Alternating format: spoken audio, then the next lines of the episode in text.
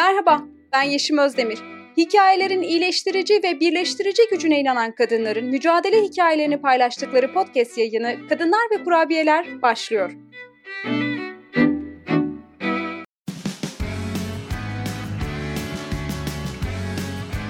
Oku, dinle, izle. Kısa Dalga. Merhaba canım kadın. Merhaba, Hoş geldin. hoş buldum. Nasılsın? Teşekkürler. Sen nasılsın? Ben deyim. Çok teşekkürler. Hemen soruyorum. Bugün ne olmayı seçtin? Ben bugün matruşka olmayı seçiyorum. Neden matruşka? Aslında şöyle, matruşka kadının doğurganlığını ve iç içe geçmesiyle annenin korumacı yönünü betimleyen bir Rus figürüdür. Ee, ben de matruşkayı her düşündüğümde böyle açtıkça içimizden başka bir kadın çıktığını düşünüyorum. O yüzden bunu seçtim. Çok güzel. Bu açtıkça içinden başka bir kadın çıkan, başka bir rol çıkan e, betimleme bana da hep şeyi hatırlatıyor. Böyle kadınlara kat kat giydirilmiş elbiseler gibi hani onlara dayatılan bu çoklu rolleri hatırlatıyor bana da. Çok güzel betimledin, çok güzel anlattın. Peki bize biraz kendinden bahseder misin? Tabii 29 yaşındayım. Özel bir şirkette insan kaynaklarında çalışıyorum. Bir kızım var 4,5 yaşında. Bekar bir anneyim. Bekar bir annesin, e, çalışan bekar bir annesin. Zaten bol bol konuşacağız. Çalışan bir bekara anne olmak üzerine bu bölümde bol bol konuşacağız. Ama önce biraz sana yönelelim, senden bahsedelim. Seni biraz daha yakından tanıyabilmek için klasik sorumuzu sorayım. Sevdiğin üç şey ve sevmediğin üç şey say desem neler söylersin? Eee, sevdiğim üç şey aslında partilemeyi ve yüksek sesli e, müzikte dans etmeyi çok severim. Çok Tatil güzel. yapmayı çok severim ve alternatif yemek tariflerini denemeyi çok seviyorum farklı kültürlerden. Hı hı. Sevmediğim üç şey, dramatik insanlardan hiç hoşlanmıyorum. Yavaş olan hiçbir şeye tahammül edemiyorum gerçekten. Ve çözümsüz kalmak, yani bu duygu en tahammül edemediğim. Çözümsüz kalmaktan nefret ediyorum. Hmm, bunu sanırım ikinci kez duyuyorum eee, Kadınlar ve Kurabiyelerin şu ana kadar gelen bölümünden çaresiz kalmak, çözümsüz kalmak. Tanıdık bir duygu evet galiba kadınlar için. Belki de bütün insanlık Maalesef. için bilemiyorum. Peki kendinle ilgili eee, bilmemizi istediğin başka bir şey var mı? Kendimle ilgili astrolojiyle ilgileniyorum, spor yapıyorum. Oldukça e, dolu bir hayatım var. Astroloji kısmıyla ilgili bir şey sormak istiyorum ama inan ne soracağımı bilmiyorum. O kadar uzağım ki.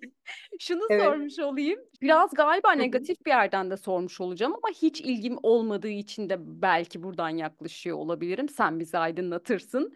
Ya böyle biriyle konuşurken mesela bir şeyden bahsediyorsun, bir kişilik özelliğinden bahsediyorsun ya da bir duruma, bir olaya karşı hissinden, duygundan, bir şeyinden bahsediyorsun. Hemen burcun ne? Şu mu? Yoksa yoksa şu musun?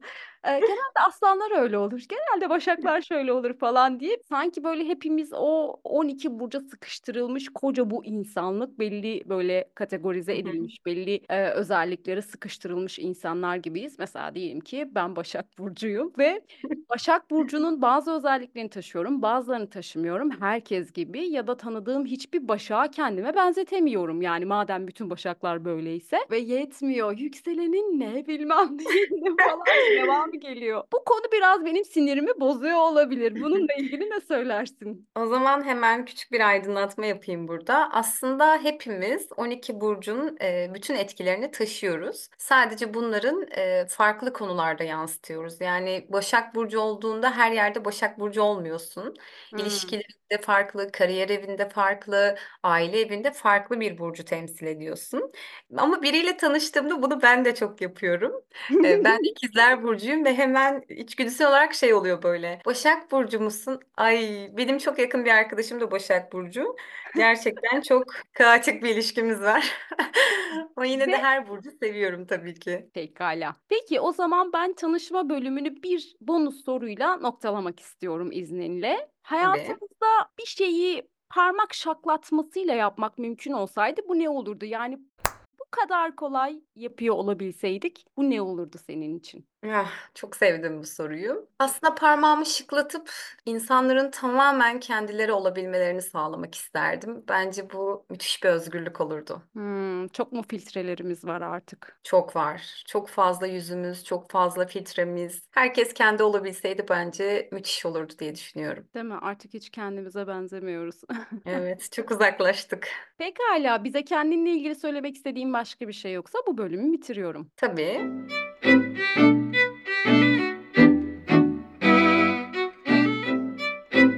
Geldik hikaye bölümüne. Klasik sorumla giriş yapmak istiyorum. Hikayen nerede başlıyor? Aslında e, benim hikayem iki kere başladı. İlk hikayem 7 yaşında e, zihinsel engelli bir kız kardeşimin olmasıyla başladı. Dünya tatlısı bir bebekti ve abla olmuştum. İlk annelik provam gibiydi kardeşim. Çünkü farkında olmadan aslında ilk bekar annelik deneyimimi kardeşimle birlikte yaşamış oldum. İkinci hikayem ise 25 yaşında kendi kızımı kucağıma almamla başladı. İkisinin ortak yanı yine bu hikayede de bekar anneydim. Kızım doğduğunda zaten e, bitmiş olan bir evliliği sonlandırdım ve bu hikaye böyle başladı. Ne kadar güzel betimledin. Peki bekar anne olmak nasıl? Bize biraz anlatır mısın? Bekar anne olmak çok güzel bir duygu. Çünkü bitirdiyseniz eğer negatif ilişkinizi gerçekten özgür, daha huzurlu, daha mutlu hissediyorsunuz. Tabii ki çocuğunuz tek ebeveynle büyüdüğünde çok fazla duygusal veya davranışlarınızda da çok farklılıklar olmuyor. Çünkü tek ebeveyn görüyor ve e, hayat standardı da e, gerçekten sabitleşmiş oluyor. Yani farklı farklı yorumlara çok maruz kalmamış oluyor. Ve genç olmanın, Bekar olmanın en büyük katkısı bence birçok aktiviteyi birlikte yapıyoruz. Yoga yapıyoruz, yürüyüşe çıkıyoruz, birlikte kitap okuyoruz. Yani her şey aslında daha keyifli geliyor bana. Çocuğum doğduktan sonra zaten kendime çok dikkat etmeye başlamıştım.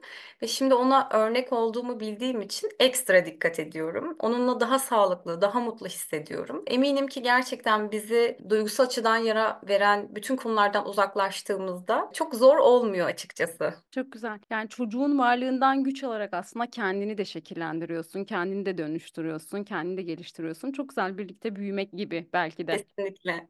Peki çok güzel şeyler anlattın ama muhakkak zorlandığın, çok sıkışıp kaldığın yerler de vardır eminim. Bir anne değilim ama tahmin edebiliyorum. En çok seni zorlayan konular ya da durumlar ne oluyor? Benim kendi hikayemde en zorlandığım kısım boşandığımda çocuğum 6 aylıktı ve çalışan bir anneydim. Aslında ilk savaşım en yakın çevremle başladı. Çünkü pişman olmamı istiyorlardı. Ee, tek başına çocuk büyütmek çok zor. Belki barışırsınız, geri dönersin gibi çok fazla söyleme ve yoruma e, maruz kaldım. E, ve pişman olmam için çok uzun süre yalnız bırakıldım. Çok küçük bir çocuktu yani 6 aylık bir çocuk ve ben çalışıyordum. E, resmen böyle e, yalnız bırakılarak çaresizlikle terbiye edilmeye çalışıldım. Pes edeyim diye. Çok özür dilerim. Pes edip eve geri dönmek mi? Boşanmaktan mı pişman olmanı beklediler? Tabii evet. Çocuğumu tek büyütmeyeyim, bekar bir anne olmayayım. Yani çok kaba bir tabir olacak ama bunu hala toplumumuzda çok kullanıyorlar. Dul kadın olursun bu yaşta gibi. Hmm. Böyle çok fazla eleştiriye maruz kalıyorsunuz. Hı hı hı hı. Peki en çok hangi durumlarda e, zorlandın? Onlardan bahsedebilir misin? Ee, aslında en zor kısım, çoğu anne belki çoğu bekar anne bana burada katılabilir. Ayrılığı seçtiğinizde baba figürünü e, ne yapacağınıza karar vermeye çalışıyorsunuz. Çünkü bazı babalar e, ebeveyn olmaktan vazgeçiyor. Bizim hikayemizde de öyle oldu. Yani eşlik durumu bittiği için ebeveyn olmayı reddetti. Hani ben anne olmayı biliyorum ama baba eksikliğini nasıl hissettirmeyeceğim çocuğuma? Ee, mesela bundan çok küçük bir örnek vermek isterim. İlk 29 Ekim e, Cumhuriyet Bayramı'nda gösteriler vardı. İlk gösterisine çıkacaktı çocuğum. Orada tek başımaydım ve herkes gerçekten eşiyle birlikte gelmişti. Ee, çok ağladım o gün. Yani hayatım boyunca unutamayacağım o günü galiba. Ee, Yani benim tek olmam değildi orada sorun. Fakat çocuğum acaba ne hissediyor, Ee, görmek ister miydi gibi ya da duygusal açıdan yara aldı mı gibi böyle çok fazla e, etkilendim. E, çünkü elinizden geleni yapıyorsunuz fakat bir baba olamazsınız sonuçta. Herkesin durumu farklı. Yani okul dönemi gerçekten baba eksikliğini e, hissettirmemek için çok uğraştığım bir dönem oldu benim için.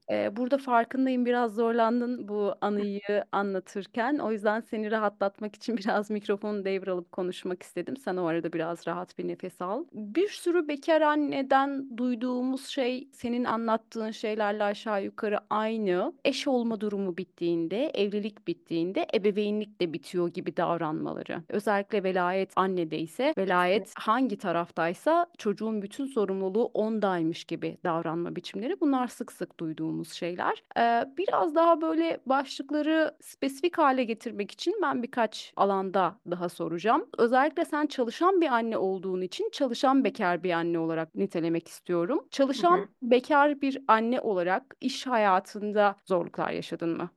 Tabii. Doğum yaptıktan sonra işe dönüyorsunuz ve aslında yeni bir süreç başlıyor sizin için. Çünkü e, şöyle bir gözle bakılıyor önce. Anne oldu, doğum yaptı, performansı düşebilir, işten çıkabilir, e, çocuğunu emzirmesi gerekiyor, süt izni var gibi böyle e, size bazen bir problemmişsiniz gibi bakabiliyorlar. En başından yeniden tekrar bir performans yarışına giriyorsunuz. Yani sistem sizi buna zorluyor zaten. E, bir iş teklifi almıştım. E, çocuğum küçüktü o dönemde e, ve gerçekten benim kariyerimde çok önemli bir işti. Hafta içerisinde iki ya da üç kere kısa seyahatler yapmam gerekiyordu. Yani il değiştirip geri gelmem gerekiyordu. E, fakat reddetmek durumunda kaldım. Çünkü burada gerçekten anne olmanız, çalışan bir anne olmanızın bazı kurumlarda hiçbir etkisi olmuyor. Bu yüzden bu işi reddetmiştim. Hala da üzülüyorum.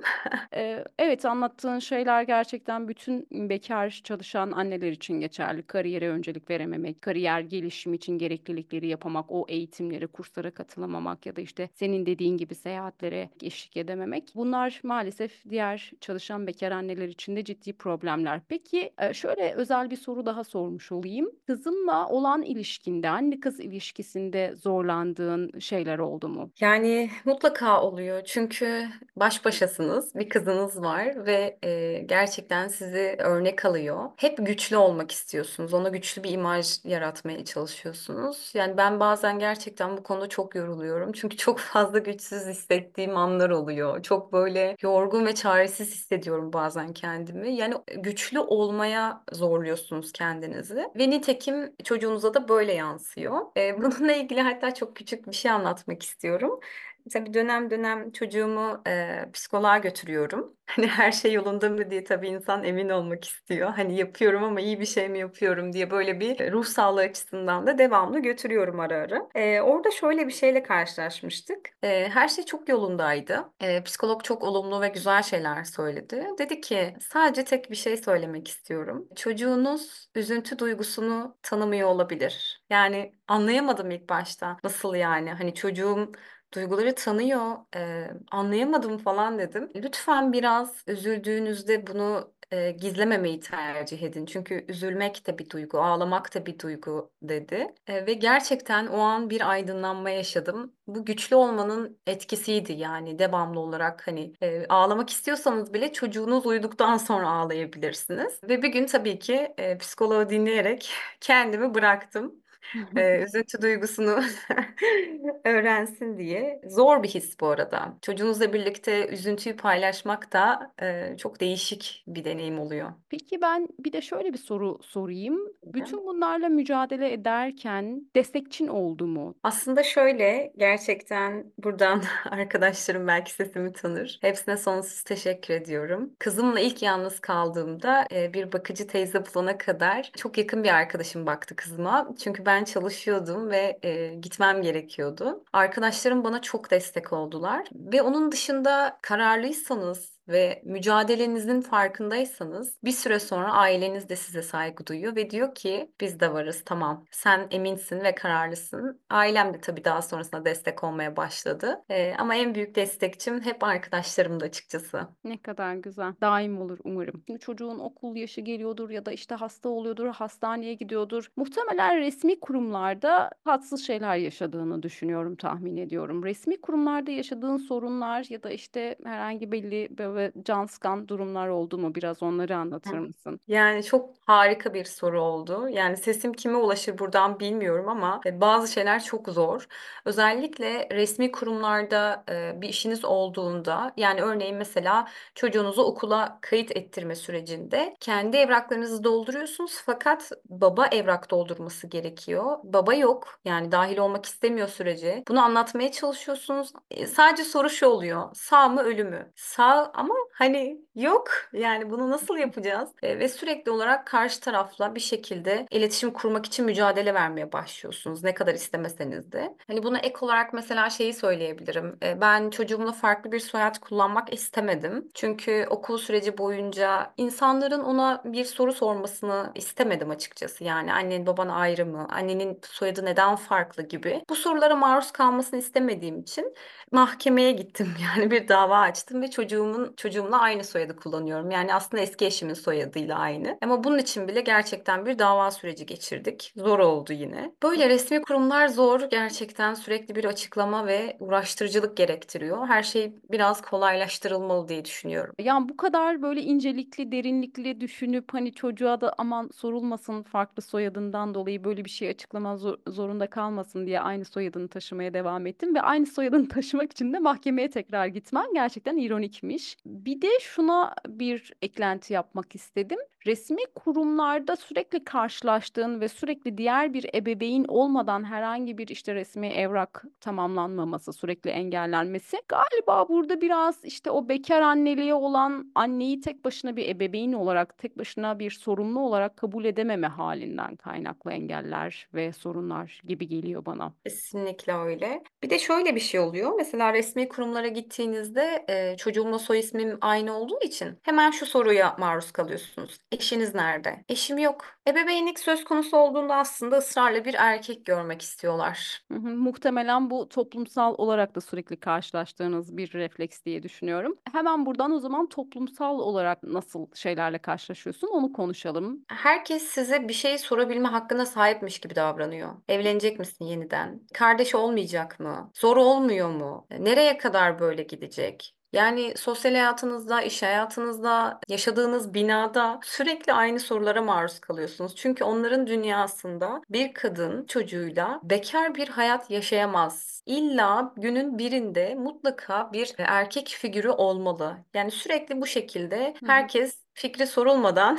fikrini söylüyor. Aslında bunun biraz da temeli bence şununla ilgili. Kadından aslında temelde beklenen üç rol var. İyi bir eş olması, fedakar bir anne olması, çok hamarat, çok çalışkan bir ev hanımı olması. Şimdi bu üçlü e, rol kalıbının dışında bir şeye çok okey olamıyorlar. Bu yüzden ısrarla o role endekslenen sorularla ve e, tepkilerle karşılaşıyorsun. Tabii bu yayında eminim hepsini çok özetle anlattığına eminim. Çok daha fazlası vardır ona da eminim. Ee, şöyle bir soru sorarak e, kapatmış olayım. Tüm bunları daha kolaylaştıran nasıl bir sistem olabilirdi? Ne olsaydı bekar çalışan anneler için her şey daha kolay olabilirdi? Süper, gerçekten yine çok güzel bir soru oldu bu. Yani mesela şöyle bir örnek verebilirim buna.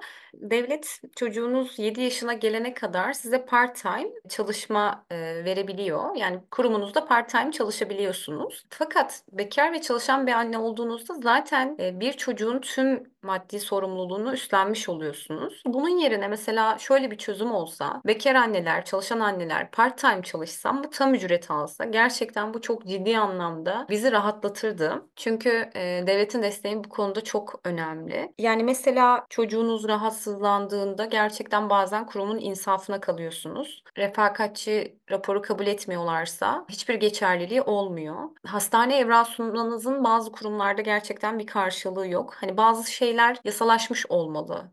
Peki bu bölümde bize anlatmak istediğin başka bir şey yoksa bu bölümü bitiriyorum. Teşekkür ederim.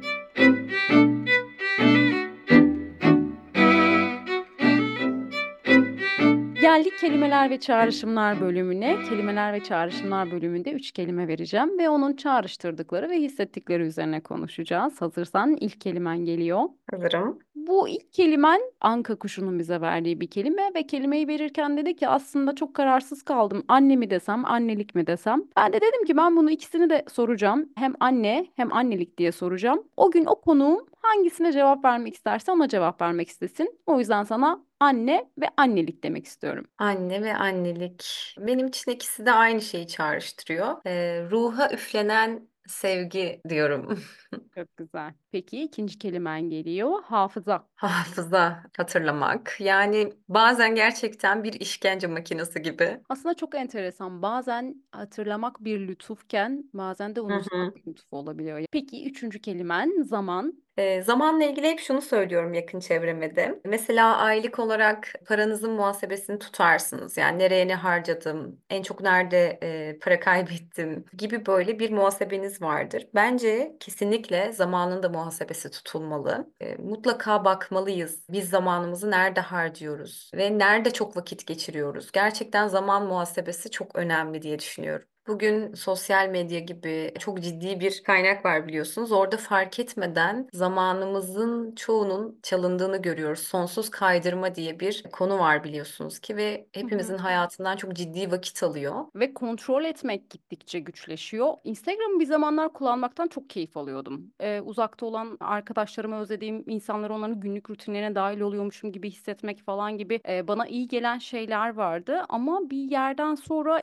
çok çok irite etmeye başladı. Ben iki hesap kullanıyorum. Biri bağımsız gazeteci bu işlerimi paylaştığım hesabım. Biri de kişisel hesabım ve kişisel hesabımı kapatmak istedim. Yani artık ne hiçbir şey görmeye tahammülüm vardı ne de orada vakit kaybetmeye gerçekten bir anda böyle bir aydınlanma yaşayıp bir dakika ya ne yapıyorum falan deyip bu hesabı kapatmak istedim ve inanır mısın ben hesabı kapatamadım. Yani bunu bile o kadar zorlaştırmışlar ki işte dondurmak istiyorsun bir şey yapıyorsun oraya yönlendiriyor şunu şunu yap bunu yap falan çileden çıktım ya dedim yani basit bir şekilde bu Instagram hesabını tek tuşla kapatmam gerekiyor ve kapatamıyorum. Ee, Basit bir uygulamanın esiri olabiliyorsun. Orada saatler geçiriyorsun farkında olmadan. Gerçekten çok korkutucu. Kesinlikle ve zihnimiz müthiş derecede tembelleşiyor. Gerçekten dünya neyi izlememizi, neyi satın almamızı istiyorsa biz aslında ona çok maruz kalıyoruz. Kendimizi ve beynimizi e, korumamız lazım. E, şunu da söylemek isterim ki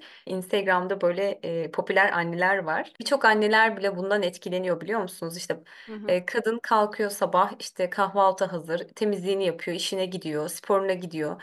Sizde de doğal olarak bir kaygı başlıyor.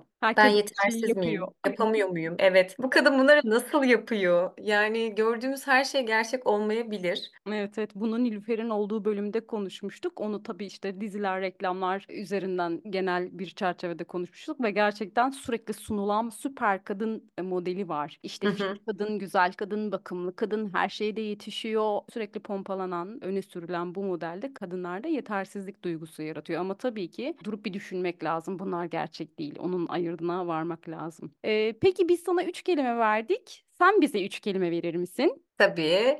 Birinci kelimem örgü, ikinci kelimem ayna, üçüncü kelimem okyanus. Peki çok güzel bir sohbet oldu. Ee, çok teşekkür ederim. Hem heybemize kattığın kelimeler için hem de hikayeni bizimle paylaştığın için. Ben teşekkür ederim. Sağlıcakla kal.